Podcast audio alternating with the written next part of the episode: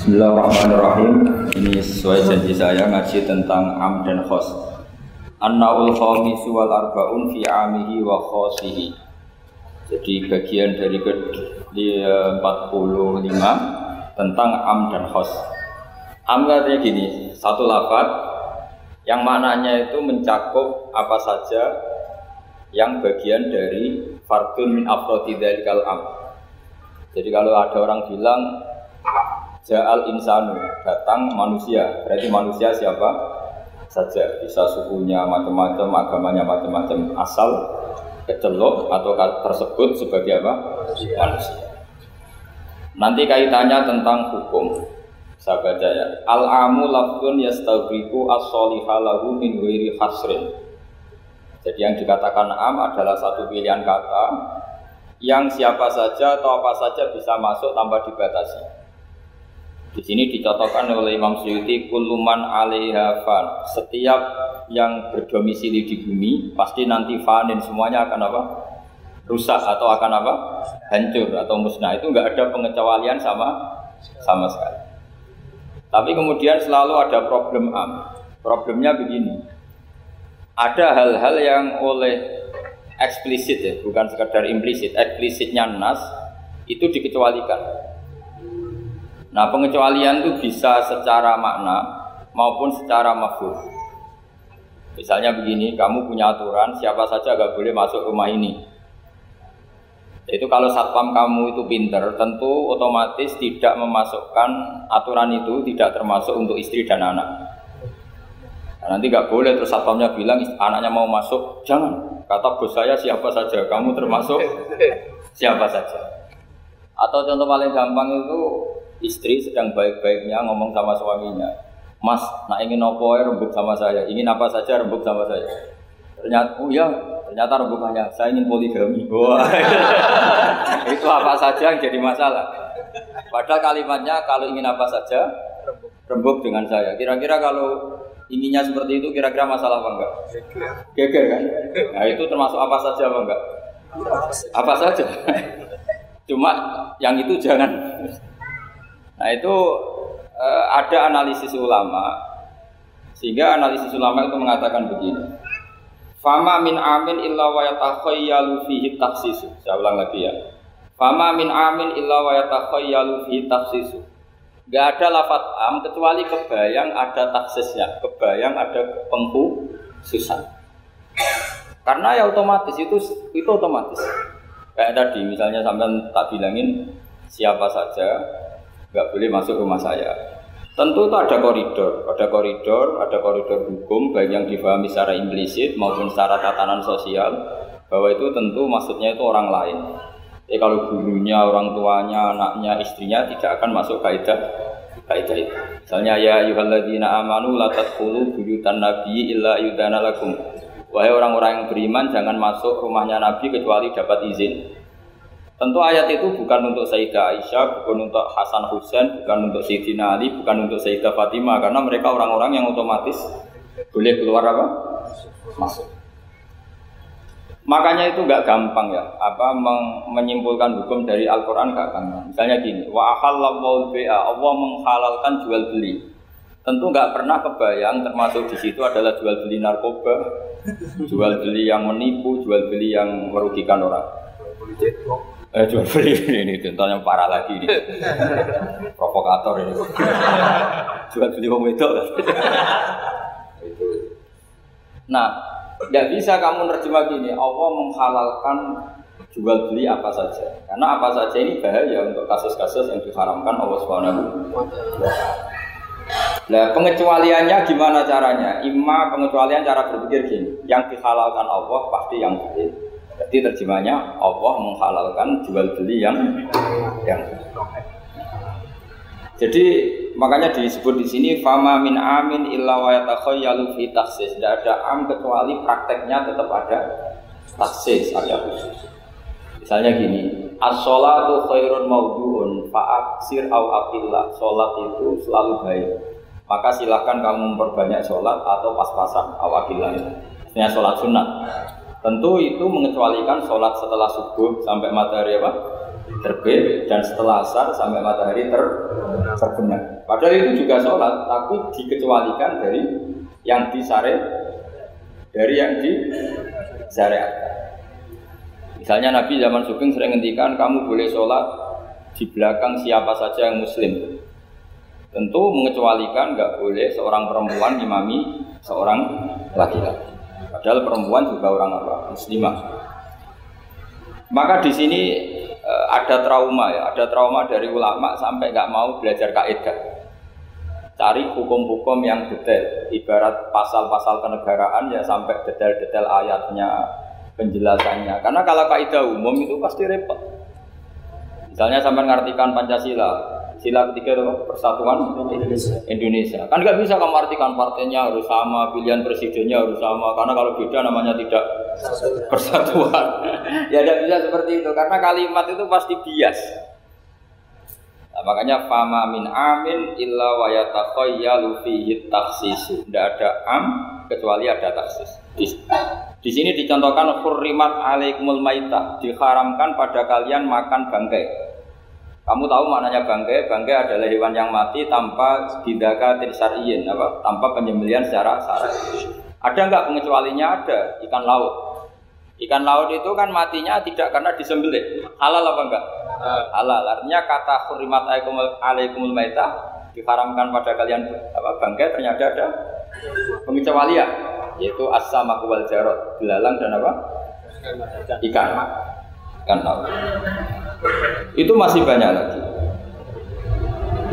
Makanya terus dibabkan, dibabkan faslun fi amihi wa khosihi bab menerangkan ayat atau kaulullah yang am, yang umum dan yang khos, yang khusus. Nah untuk memastikan itu ya, ya mau tidak mau memang harus belajar.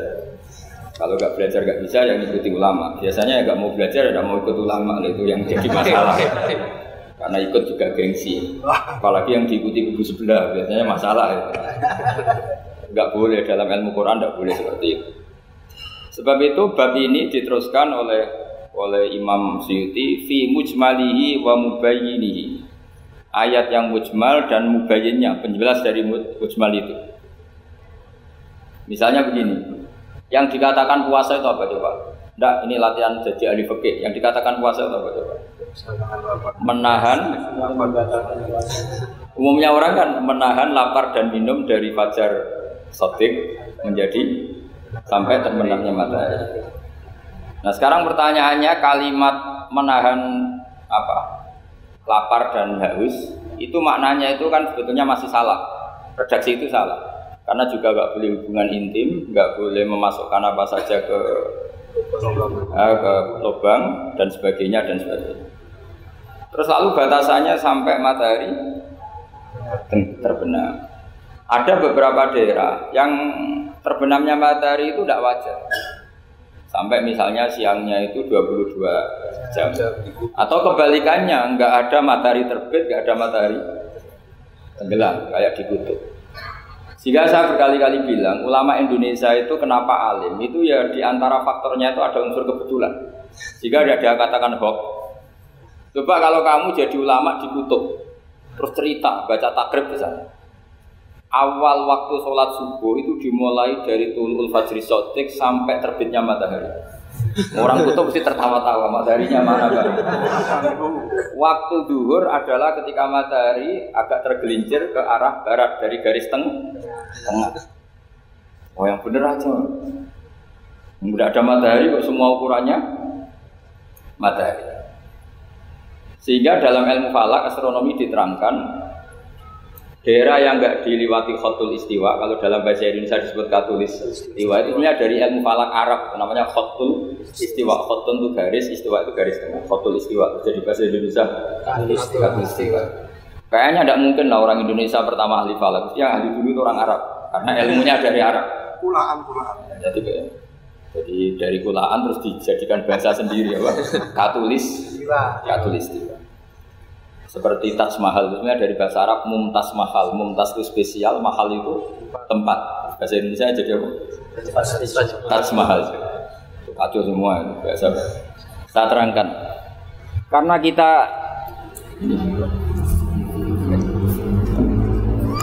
Karena kita ngaji di Indonesia, kebetulan Indonesia termasuk daerah yang diriwati apa? Katulistiwa. Sehingga waktu kita normal, trennya ya 12 sama berapa? 12. Nanti ada masalah itu misalnya kamu di tadi dikutuk, lalu puasanya gimana? Apa dikonversi? Tetap polanya 16 jam, terus konversi per antar sholat itu kira-kira berapa apa? Jam kalau saja misalnya kamu sudah duhur jam 12, ya trennya asarnya ya jam 3. Kan nggak mungkin habis duhur jam 12, asarnya jam 1. Karena polanya tafawutnya antara duhur dan apa? Asar itu 3, 3 jam. Setelah duhur sama apa asar sama maghrib polanya juga 3 jam. Maka yang seperti ini mau tidak mau harus ada pengecualian. Ketika Rasulullah misalnya ngendikan waktu asar itu Hina yakunu bilusya mislahu terus wakolilan waktu asar dimulai apa bilusya mislahu jadi kalau sesuatu satu meter bayangannya satu meter nah pas lebih sedikit itu berarti sudah waktu asar kan gitu ukuran dulu kan nggak pakai jam ya terus habisnya waktu asar setelah matahari terbenam tentu daunnya Nabi seperti itu momentumnya di mana di daerah yang dilewati khotul istiwa. Karena yang tidak dilewati khotul istiwa tidak mengalami ada matahari terbit, terbenam, dan zawal samsi. Makanya tadi isma min amin illa wa yatakhayyalu fi takhsis sudah ada am, tidak ada kaidah umum kecuali sebetulnya pasti ada khusus. Ya kayak tadi. Mas kowe kepen opo tak dukung. Wah, sing ngene tetep ya ben wayo wis tak kepel Padahal kalimatnya apa? Apa saja. Tapi jangan lagi-lagi tentang itu. Kamu nggak bisa bantahkan apa saja. Oh, udah seorang goblok kepahaman kan itu malah masalah besar. Eh, sehingga di di Quran itu selalu ada ada seperti itu. Misalnya ya sama lah misalnya, nikahi perempuan siapa saja yang kamu cintai. Ya tentu cinta yang kamu cintai itu tidak memasukkan ibu dan adik. Karena itu mahram apa?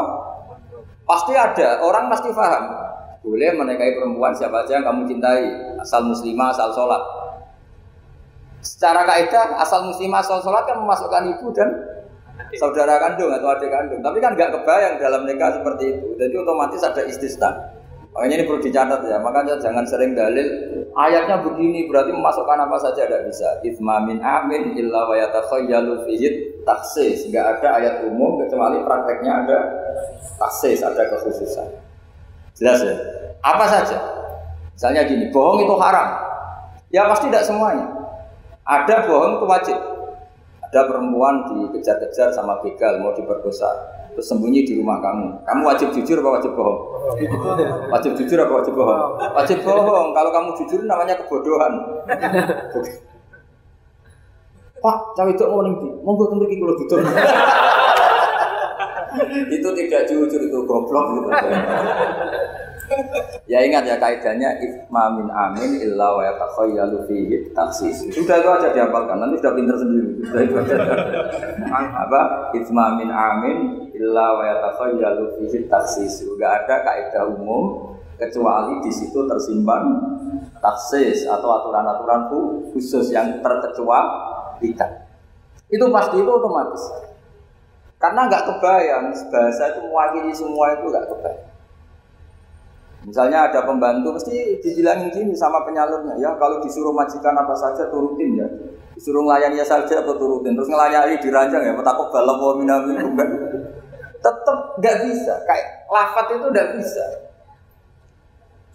Kalau majikan kamu ingin apa saja turutin, tentu tidak masukkan hal-hal yang dilarang. Jadi juga misalnya mahasiswa, oh, sama dosen nurut loh, perintahnya apa saja, ya apa saja yang dibolehkan, maksudnya bukan apa saja secara bebas. Nah itu di Quran juga gitu, kalau ada ayat apa saja, sebenarnya di situ pasti ada apa? Taksis, ya jelas dari mamin amin, ila wa yatakhayalu fihin taksis. Sehingga susah sekali cari umum yang tetap maknanya umum. Sekarang misalnya pertanyaannya lagi, ini ada beberapa kaidah Matiya kau tabi mutasilan nahu minal fajar. Baca koli al khaitul abiyadu minal khaitil aswad. Ini lebih susah lagi. Lebih banyak ini. Di Quran itu ada beberapa lafaz yang maknanya itu tidak semestinya. Saya ulang lagi, di Quran itu ada beberapa lafaz yang maknanya itu dari awal tidak semes tidak semestinya. Nah tidak semestinya ini oleh ulama ahli sastra Arab, ahli balaghah kalau dalam bahasa Arab disebut tasbih apa? Tasbih. Jadi kalau orang Arab sebenarnya ya sama orang Arab orang Indonesia sama dalam apa pemaparan sama. Kalau Zaid itu agak ganteng, agak yang gantengnya agak, itu orang Arab bilang itu Zaidun kalkomar. Zaid itu ibarat rembulan. Tapi kalau ganteng sekali dan susah ditandingi, itu orang Arab akan bilang Zaidun komarun. Zaid itu rembulan. Sehingga dalam kitab-kitab madae, kitab-kitab yang memuji Nabi itu disebut anta samsun, anta badrun. Engkau ibarat matahari, engkau ibarat rembulan. Itu ada tasbihnya, kata seperti dibuang. Apa kata seperti dibuang? Sama di Indonesia juga sama. Kalau orang ahli orasi ilmiah yang ketika orasi itu kendel sekali, apalagi zaman revolusi, ketika ada orasi yang menggelegar disebut singa podium. Tidak seperti singa, tapi langsung dikatakan singa, singa podium. Itu ada tasbih, namanya dalam bahasa Arab disebut apa? Tasbih. Nah problemnya ada beberapa ayat yang dari awal Allah menggunakan itu tidak untuk makna semestinya, tapi untuk apa? Tasbih. Tasbih itu ya tadi hanya menyerupakan berhubung sesuatunya detail. Ada tasbih, kata seperti itu dibu, dibuat. Misalnya gini, Inna min azwajikum ma'awladikum aduwal lakum. Istri kamu, anak kamu itu musuh kamu. Oh, itu kan ngeri, masa anak sama istri dikatakan musuh. Nah, tentu itu ada proporsinya. Ketika anak istri kita tidak menopang kesalahan kita, tidak menopang ketaatan kita, maka perilakunya sebagaimana musuh. Tapi ketika mereka baik, benar-benar baik kata Nabi, sebaik-baiknya pemberian dari Allah dan sebaik-baiknya mata dunia adalah almaratus salihah wanita yang salihah yang membantu kamu menjadi orang baik. Artinya apa? Ada proporsi di mana perempuan digelari musuh, distatuskan musuh. Ada proporsi di mana perempuan berstatus pembela atau penopang ketaat, ketaat. Ya sudah seperti itu. Nanti kalau baca Quran, baca hadis seperti itu. Di mana wanita dipuji maknanya kayak apa? Ketika dikritik maknanya kayak lelaki juga gitu sama. Sehingga banyak ulama yang merumuskan hubul mal misalnya mencintai harta itu hukumnya gimana ya? Kalau untuk kebaikan ya baik, kalau untuk keburukan ya Ya, makanya innama amalukum wa auladukum fitnah. Harta kamu, anak kamu itu ujian. Nah, ini penting penting sekali dikenali sehingga Quran itu tidak saling bertabrakan. Ya, Quran itu tidak saling bertabrakan. Di ayat ini perempuan dipuji, di ayat ini perempuan dikritik. Misalnya tadi innam azwajikum wa auladikum aduwal lakum tapi ada ayat fasolihatu qanitatun hafidhatun lil ghaibi bima hafidhallah perempuan itu luar biasa penjaga kedamaian penjaga kehormatan. Itu luar biasa dipuji. Ya tentu dalam konteks yang layak dipuji. Kalau sedang dikritik ya dalam konteks yang layak dikritik. Artinya pujian ini bukan cek kosong tanpa pengecualian. Dihujat atau dikritik juga tanpa cek kosong tanpa pengecualian. Lagi-lagi kaidahnya isma min amin illa wa yatakhayyalu fihi taksis. Tidak ada lafaz umum kecuali di situ terbayang ada kehu ada kekhususan. Ya jelas ya. Jadi Nah kemudian kekhususan itu gimana? Kalau dalam ilmu fikih disebut menghilangkan masodak. Masodak itu pokoknya ini tak pakai bahasa asli ya, biar nanti habis ngaji itu keren. Ini masih pakai bahasa asli yang diusul fikih. Masodak itu satu nama yang mencakup sesuai kriteria definitif lah kalau dalam bahasa inteleknya. Misalnya gini, ini coba pegangin. Ini yang dikatakan tangan ini, ini sampai ini kan. Ini semuanya tangan. Nah, ini namanya mujmal. Kata Rasulullah misalnya kalau kamu wudhu, basuhlah tangan kamu. Tapi secara sanat, sanat kita sampai Rasulullah basuh tangan itu sampai sini saja. Ya kan? Itu di bab sampai siku saja. Tapi sikunya terbasuh ya. Jelas ya. Padahal ini juga tangan. Tapi di bab kotu ya disarik, di bab memotong tangannya pencuri, wasari wasari kotu faktou Ejahuma orang kalau mencuri dalam ajaran Islam atau negara Islam dipotong tangan. Segini apa hanya segini? Sampai gelang kaki apa apa mata apa Pergelangan apa sampai sini? Pergelangan. Padahal kalimatnya ya faktau Ejahuma maka potonglah tangannya. Tapi ternyata di bab potong tangannya pencuri di negara Islam hanya pergelangan, tapi di wudhu sampai siku. Lalu kalau mau tanya ukurannya apa Gus? Ya ukurannya ngaji tadi. ya, ukurannya ngaji mah nggak bisa dijelaskan. Kalau nggak paham jangan protes terus. Iya sudah sudah seperti itu. Apalagi misalnya di Quran disebut jika kamu tahallul dari haji maupun umroh, mukhalliki narusakum itu lafadznya mukhalliki narusakum memotong kepala. Masa setelah haji dibantai kan? Nah itu rukus di situ itu dengan makna apa? Rambut. Lalu pertanyaannya harus semua apa sebagian? Nah itu kan masalah. Nah itu namanya mujmal. Mujmal itu lafaz yang umum, masuk kalau dalam bahasa Arab. Kemudian kita mencari-cari sanat. Saya lagi, kita mencari-cari sanat sampai Rasulullah dulu beliau maknanya kayak Akhirnya ternyata Rasulullah kalau tak halal ada yang gundul, lontos, didoakan sampai tiga kali Allah marhamil muhalikin sahabat pada usul wal mukasirin ya Rasulullah Masyur itu kan, ya Allah semoga orang yang cukur gundul engkau beri rahmat yang banyak. Sahabat yang nggak mau gundul usul wal mukasirin juga yang cukur apa? Pendek. Nabi masih ulang lagi, wa marhamil mukhalikin. Mereka protes lagi, wal mukasirin ya Rasulullah, tapi Nabi masih nggak mau ngendikan apa. terus baru ketiga sudah disebut, baru yang terakhir bilang apa? Wal mukasirin juga yang cukur pendek. Lalu ukurannya apa? Imam Syafi'i milih kodruun mulatil asbuk sekadar apa? Uh, ujungnya apa? Jari. Sehingga pokoknya kira-kira segini. Jumlahnya minimal berapa? Tiga. Nah, nah seperti itu mau tidak mau lafaz itu mujmal kita tidak pernah bisa tahu tanpa sanat ke Rasulullah Shallallahu Alaihi Wasallam. Karena Nabi yang punya otoritas litubayyin nasi manuzila ilaihi. Kamu Muhammad yang punya otoritas menjelaskan apa yang saya turunkan. Karena kalau tanpa Nabi tidak bisa. Misalnya Allah hanya ngendikan wa yuqimuna sholat. Orang baik adalah yang mendirikan sholat. Jumlah rokatnya kamu tahu tanpa Nabi. Tidak tahu kan mana yang wajib, mana yang sunat juga tidak. Makanya ketika ada orang mau belajar sholat sama Nabi, kata Nabi sudah di sini aja nginep. Terus kamu sholat terus di belakang saya. Setelah tiga hari nginep, Nabi ngajarinya mungkin dok solu kamaru itu muni. Dia sudah niru saya. Jadi Nabi nggak pernah ngajar kayak di kampus-kampus nulis, nerangin itu enggak. Kalau ada orang belajar sholat, ya Rasulullah saya ajarin sholat sebagaimana sholat engkau. Ya sudah nginep di sini tiga hari, kamu sholat di depan. Ya sudah, terakhir mau boyong, Nabi hanya ngintikan solu kamar itu muni. Ya sudah kamu sholat kayak saya. Ketika musim haji juga gitu. Orang disuruh haji kata Nabi, apa saja yang saya lakukan dilihat ya. Ya ya Rasulullah. Setelah selesai haji, Nabi hanya ngendikan, lita khudu anni mana sikakum, lita khudu anni masa mana sikakum ya sudah, kamu mengambil cara ibadah haji dengan melihat saya. Nah, cara-cara seperti itu sebenarnya lebih efisien ketimbang tag. Karena kalau tag itu bias.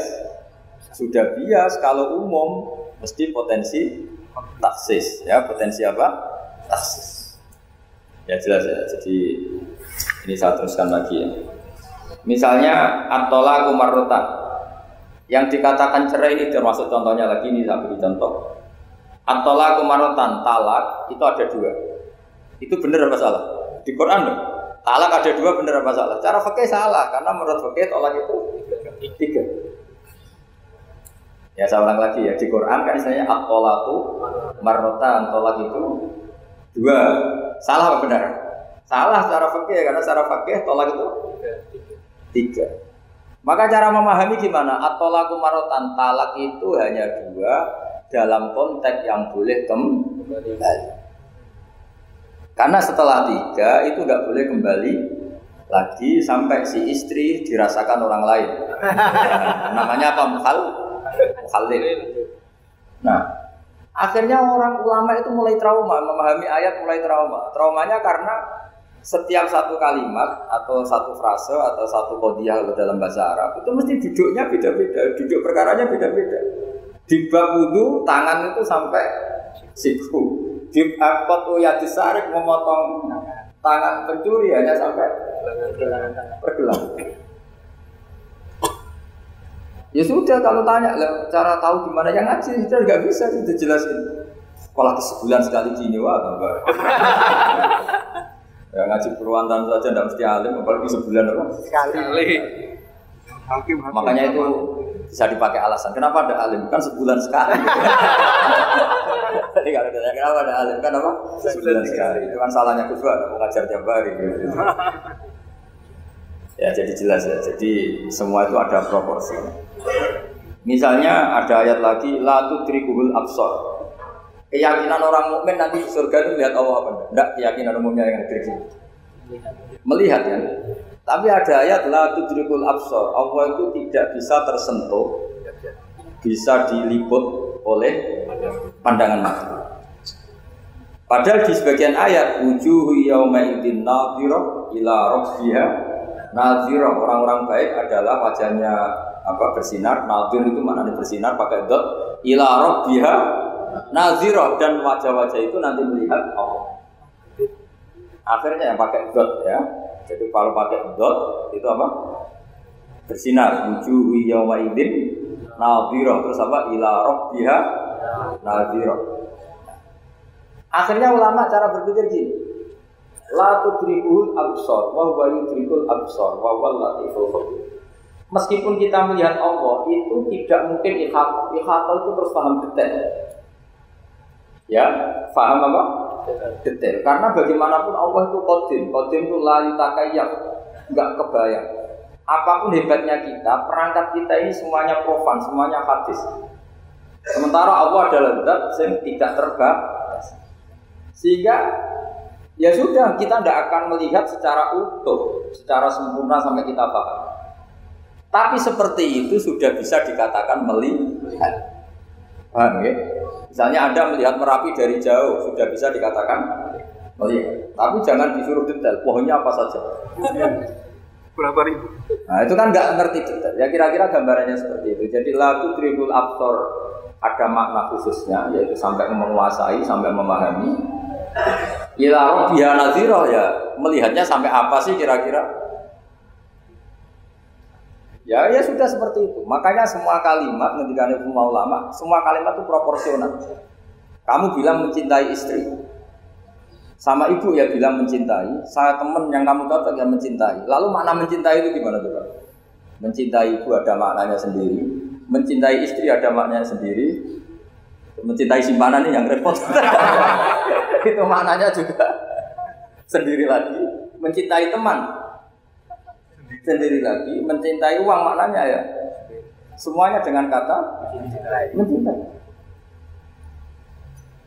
Misalnya orang mukmin disebut waladina amanu asyatu hubbalillah orang mukmin itu sangat mencintai Allah. Kalau mencintai Allah itu dengan mencintai manusia itu beda. Aturannya juga beda. Kata para ulama kalau Allah itu suka kalau dimintai. Tapi kalau kamu mencintai seseorang, kamu sering minta, wah itu setakat balap minna. Jadi Allah itu suka apa? Allahu yakhdubu intarok tasu'alahu wa banu adam yakhdub. Jadi Allah yakhdub intarok tasu'alahu. Allah justru tersinggung kalau orang yang mencintai dia kemudian tidak sering-sering minta. Ya, kalau Bani Adam semakin sering dimintain malah malah nafsu ya malah malah tersinggung malah capek. Jadi sama-sama kalimatnya juga mencintai. Nah bayangkan Quran itu seperti itu. Min awali hatta akhiri lafat ini semua proporsional. Apa? Semua itu propor proporsional. Sehingga cara maknanya gimana ya tadi? Ada am, ada khos, ada mujmal, ada mukoy, mukoy. Makanya kita akan selalu berdebat misalnya ya selalu saya ulang lagi selalu berdebat madhep kiblat itu sebetulnya harus persis apa enggak? Ya tadi saya seperti ngaji saya kemarin. Kalau dalam konteks Indonesia asal kelihatan ke barat ya sudah kecelok madhep apa? Kiblat. Karena kalau detail, saya ulang lagi kalau detail berarti semua masjid maksimal luasnya hanya 18 meter. Karena Ka'bah diameternya hanya 18 meter. Sekali yang di ujung sana, oh pasti melencengnya jauh. Jangan-jangan yang melenceng pas imamnya malah.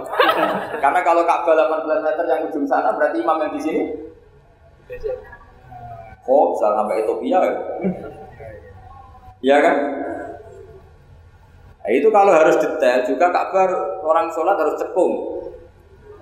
Nah kalau cekung bisa menuju ke satu titik. Di mana ada ajaran masjid apa? Cekung. Maka seperti itu dari awal Allah tidak menghentikan Ka'bah. Fawali wajaka syatrol masjidil haram. Satro itu nahwa. Ya sudah, penting kamu menghadap ke arah masjid haram. Bukan ke ainal masjidil haram yang detail. Jadi satro itu nahwa. Nahwa itu ya pokoknya ke sana. Nah, itu yang dimaksud yuridu wa bikumul yusra wala yuridu bikumul Agama ini gampang, kenapa diper? Jangan kayak birokrat tertentu. Kalau bisa sulit, kenapa dipermudah? Karena banyak kepentingannya, Pak. Ya, terus saya teruskan lagi. Ini contoh-contoh. Latut uh, ukhidlat lakum bahimatul an'ami illa ma yusla alaikum. Ada lagi wa aufu bi ahdi ufi bi ahdikum. Ini contoh-contoh yang disebut oleh Imam Syuuti. Walillahi 'alan nasi hijjul bait. Maksud beliau dengan contoh-contoh itu begini ya. Misalnya kuluman alehafan, semua ini kalau kiamat nanti rusak semua. Pertanyaannya gini, Gus lalu panitia kiamatnya gimana? Misalnya Israfil yang masih jadi panitia kiamat itu kan Israfil kan sekarang sudah pegang apa? Trompet. Kalau trompet pertama malam tuh gunjang terus trompetnya ceblok baru separuh itu kan terus gak jadi kiamat.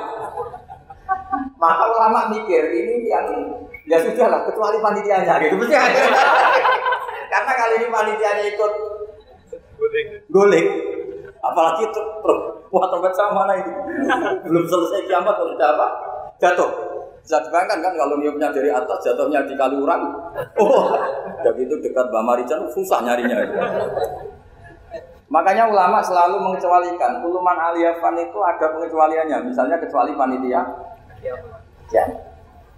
Sehingga di Quran itu ada pembenaran pengecualian itu. Yaitu ada ayat. Wayahmilu arsya rabbika fawqahum yawma idin samania. Jadi wayahmilu lan gowo arsya rabbika arasi pengiran sih. Sopo hum kang pengerengeran sak dhuwure para malaikat. Sopo sama niatun malaikat wo. Jadi ketika kiamat dahsyat itu masih ada malaikat delapan yang masih happy happy saja, masih santai saja. Karena dia panitia. Ini kalau sampai makanya masyur. Ya, itu kan jadi yauma idin wa milu arsar bika fawqahum yauma idin di hari kiamat itu ada malaikat yang masih gak rusak yaitu termasuk delapan malaikat panitia apa? Ya. Maka Israel itu semoga ikut ngaji di sini Israel itu. Israel itu kacau. Kacaunya itu dia tahunya itu terlambat Mesir. Setelah orang mati semua nanti di kiamat, kamu sudah tidak tahu sudah mati. Ini saya tahu ya di kitab. Setelah mati semua, Allah tanya, eh, eh sudah mati semua, sudah Gusti. Sudah semua, sudah. Masih satu. Mana Gusti tak coplok nyawane? Kamu enggak? Wah setelah itu Israel itu sudah cabut sendiri nyawa kamu. Itu kesakitannya masya Allah. Tapi dia sekarang belum tahu. Kalau itu sakit belum tahu sekarang. Makanya semoga dengarin supaya tahu. Warang sakit, gimana is? Sakit Gusti, sakit sekali. Terus Israel bilang gini, kalau saja saya tahu kalau dicabut nyawa itu sakit, saya tidak main coba. Ternyata sakit. Pakai cara apa saja. Jadi tapi dia itu nyesalnya nanti. Sekarang belum tahu, makanya terus masih main cabut aja. Jadi malaikat Israel ya itu tadi. Maka tetap ada pengecualian. Karena kalau nggak ada pengecualian kita kiamat semuanya rusak. Lalu nah, terus ulama menambahkan lagi surga dan neraka. Surga dan neraka itu juga termasuk ketika kiamat gak ikut rusak. Karena kalau rusak lalu nanti orang-orang ini nampung di mana? Kamu tahu kan para nabi sekarang posisinya di mana? Surga para syuhada. Kalau ini ikut rusak konstruksinya kan kacau semua. Jadi para syuhada utamanya para nabi kan dijamin sudah di surga sekarang, enak-enakan, serba nikmat. Kemudian ada kiamat, gempa hancur lagi. Berarti kalimat surga enak-enakan kan keliru. Maka ada pengecualian lagi, termasuk surga kan neraka itu fama min amin illa wa yatakhayyalu fihi taksis. Ya, jadi makanya ini pentingnya ngaji ulumul Quran ya. Jadi di mana pun UI itu didirikan para ulama. Mulai dari ulama NU, Muhammadiyah semuanya ikut mendirikan apa? UI. Dulu yang mendirikan ya Ki Haji Wahid Hasyim, Mas Mansur dari Muhammadiyah semuanya ulama. Harusnya sekarang ya selalu punya ulama harusnya. Kalau udah bisa harusnya ya akhirnya ngontrak ulama lucu kan. Ulama kok kontrakan itu kan aneh. Profesor dokter. Makanya harusnya itu punya kader sendiri. Ini yang guru-guru VAI ini yang wajib. Insya Allah, insya Allah. ya saya teruskan lagi ya. Jadi lafat-lafat yang butuh penjelasan. Kayak ihdinas siratul mustaqim, tunjukkan kami jalan yang Tentu butuh penjelasan. Penjelasannya pas siratul ladina an'am talim jalan mereka yang telah kau beri nikmat. Juga sama walillahi alam nasi hijul. Semua manusia diwajibkan Allah haji. Lalu kan tidak mungkin semua manusia punya kemampuan. Akhirnya diberi penjelasan manis tatoa ilaihi sabila yang punya kemampuan kesam kesam. Jadi itu menunjukkan dari sekian kalimat itu kata Imam Syuuti pentingnya mengkaji kalau mengkaji am harus sekaligus mengkaji mukhosisnya yang menentukan kalimat itu. Kalau ngaji mujmal lafat yang bias langsung mengkaji mubayinnya penjelasannya kayak apa. Ibarat pasal-pasal di KUHP. Kalau belajar pasalnya harus belajar ayat-ayat ya, supaya tahu detail. Kalau enggak ya kayak tadi persatuan Indonesia berarti bikin partai yang berbeda melanggar Pancasila karena silanya persatuan. Oh kacau kalau gitu. Nah kira-kira seperti itu. Lafat am kalau dipahami liar ya kira-kira kayak kayak kayak seperti itu. Makanya saya berharap jangan mudah menfonis karena tidak segampang itu. Misalnya Nabi sering ngendikan laisa minna man tidak termasuk umat orang yang menipu. Ya artinya ketika menipu itu tidak perilaku atau cerminan sebagai umatnya Nabi, tapi ya dalam hal menipunya saja. Tapi kalau dia pas sholat, pas zakat, pas baik, ini cerminan umatnya Nabi. Jadi laisa minna evitil kalfoslah itu semua ulama menafsirkan evitil kalfoslah. Dalam hal itu dia tidak cerminan umatnya Nabi. Tapi di hal-hal yang lain cerminan umatnya. Karena tetap fama ya'mal mithqala dzarratin khairan yarah wa may ya'mal mithqala dzarratin syarra Artinya yang baik ya baik berarti terminan umatnya Nabi.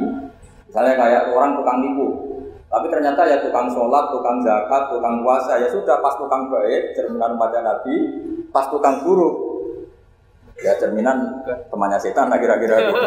Tapi jangan langsung, wah sudah ini setan tok, ya keliru kamu dia kan punya sisi baik. Ya sudah seperti Quran saja. Baik ya ya roh, saron ya. Ya roh artinya semuanya ada catatannya sendiri. Fama ya'mal misqala dzarratin khairan yarah wa may ya'mal misqala dzarratin Ini saya baca lagi ya. Qala Ibnu Hassor minan nasi man ja'alal mujmal wal muhtamil bi iza isai'in wahid. Qal waswab anal mujmal al-lafdu al-mubham alladhi la yafhamu al-muradu minhu wal mustamil al-lafdu al-waqi' bil awal. Ya, kalau mujmal itu lafat yang global. Kalau mustamil itu lafat yang kayak iya, kayak tidak. Salam kayak iya, kayak tidak. Kayak iya, kayak tidak itu imma karena bias, wa imma karena konteks. Saya beri contoh misalnya gini, saya punya pembantu ya, kalau dalam tradisi kiai itu punya anak dalam, terus bilang gini, com tamunya kasih kopi, Ya pagi-pagi ada tamu, saya bilang, Jom tamunya kasih kopi. Ternyata tamunya itu perempuan atau orang yang nggak ngopi. Kemudian disuguhi teh. Pertanyaannya anak dalam ini melanggar apa enggak? Tidak, karena kata kopi sebenarnya mewakili kata alat untuk menghormat tamu. Cuma saya sebagai kiai adalah elemnya itu kopi. Jika kopi itu bukan ibaratun anil kopi, anil kohwa, tapi ibaratun amma yukri doifa. Itu memang harus ngaji, seperti itu kalau nggak ngaji nggak bisa. Saya melafatkan kopi itu adalah implementasi dari yang penting ada yudikul yugati bukan dengan makna kopi hitam. Sehingga misalnya tamunya kok disuguhi sprit, kebetulan dia milih sprit atau milih teh, Saya juga sudah senang karena pembantu saya berarti sudah pinter, yaitu menghormat. Jelas ya? Ya sehingga kata itu sering nggak mengikat dalam agama.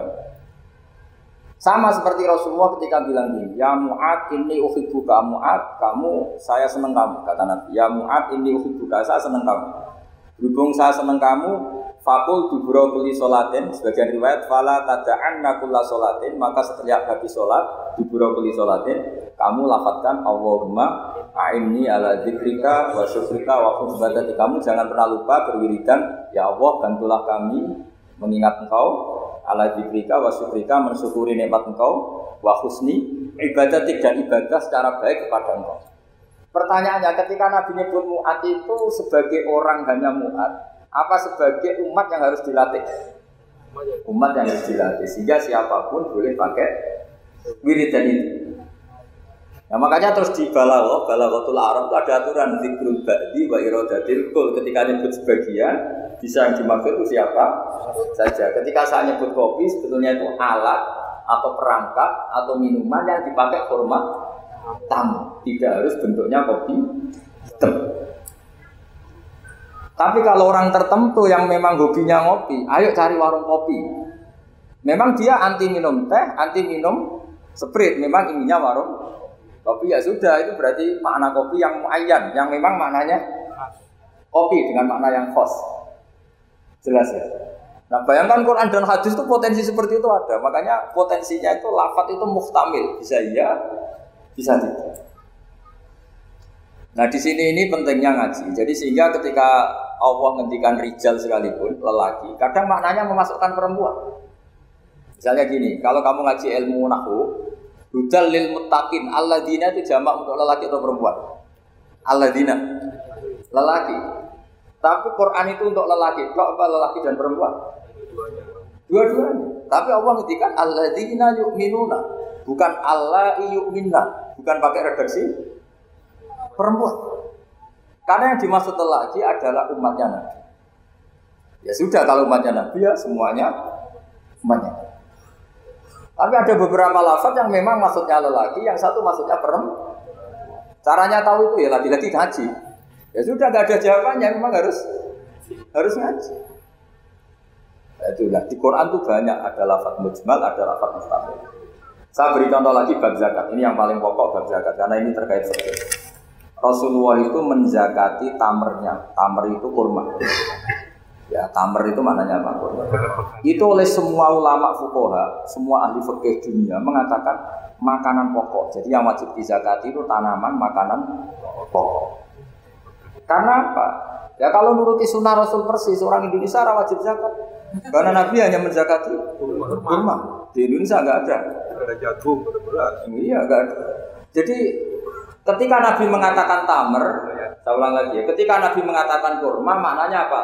zakatilah sesuatu yang sebagai makanan pokok, makanan khas atau makanan pokok daerah itu. Sehingga kita yang menzakati padi. Paham ya? Orang tertentu kan tuh. Sama seperti dong nak peduli tamu sarungan. Ternyata sarungnya itu basah. Wah daripada basah katoan cekak ya tidak seperti itu. Sarong adalah ibaratun pakaian yang dianggap sopan dalam tradisi santri. Ketika sarung sarungnya basah, penggantinya juga celana, jangan celana pendek. Karena kalau celana pendek tidak mewakili kesopanan. Jadi kalimat itu bisa diganti nemuin tamu dengan kesopanan. Di antara gambarannya pakai sarung, maka sarung bisa diganti celana. Tapi nggak bisa diganti celana, karena itu nggak cerminan sopan. Sama, Dong, tamu saya kasih kopi. Tentu bisa diganti teh, diganti seperti Paham? Tapi nggak bisa diganti toa, paham? Karena itu nggak cerminan jenisnya terlalu jauh, apa? Jenisnya apa? Terlalu jauh. Jadi ini jelas ya. Jadi kalimat-kalimat itu potensinya mujmal, potensinya itu muhtamil atau muhtamil. Wal farqu bainahuma anal mujmal yadullu ala umurin ma'rufah wal lafzu mustarakun mutaraddidun bainahuma. Wal mublam la yadullu ala amrin ma'rufin ma'al qati bi anna syari' lam yufawid bi bayanan misal bi khilafil muhtamil atau muhtamal. Jadi ya seperti itu semua. Saya contohkan yang gampang itu yang fikih saja. Misalnya orang disuruh sholat. Sudahlah kamu sholat saja. Ya tentu kalau waktu duhur pikiran pertama itu ya sholat duhur. Kalau waktu asar itu ya jangan pepeh kalimatnya gitu. Cung kamu sholat. Waktu duhur sholat apa saja. Kopiah masjid atau tahiyat. Yang penting kan sudah Sholat. sholat. Jadi semua kalimat itu pasti proporsional. Ya semua kalimat itu pasti apa? Proporsi. Sehingga pertanyaannya secara fikih, kalau kita harus madep kiblat dan sholat harus bergantung matahari. Maksudnya Nabi ya tentu daerah-daerah yang ada mataharinya. Maka kalau yang nggak ada mataharinya ada ketentuan lain yang nanti ikut menginduk yang ada apa mata matahari. Karena setiap hukum pasti ada muktadal halnya, ada propor, ada proporsi. Makanya kata ulama fikih itu misalnya begini lagi tak contohkan yang fikih aja yang gampang karena itu keseharian kita. Sholat itu batal dengan makan. Kalau kamu sholat makan batal gak? Batal. Itu satu upo sudah batal gak? Sudah kan? Itu bahasanya sholat batal bil akli dengan makan. Sekarang kalimatnya tak ganti. Cung hormatilah tamu dengan ngasih makan. Satu pol cukup apa satu piring? Sama-sama kalimatnya Maka makan. Ustaz isa upo sing penting mangan. Tapi misalnya di bab sholat kok kamu babkan kayak menerima tamu ya kacau. Sholat itu batal dengan makan. Oh, nak sak upo mangan. Mangan ya Piring. piring. Jadi di bab sholat batalnya makan itu cukup sak upo. Tapi di bab hormat tamu minimal. Kalimatnya sama-sama makan.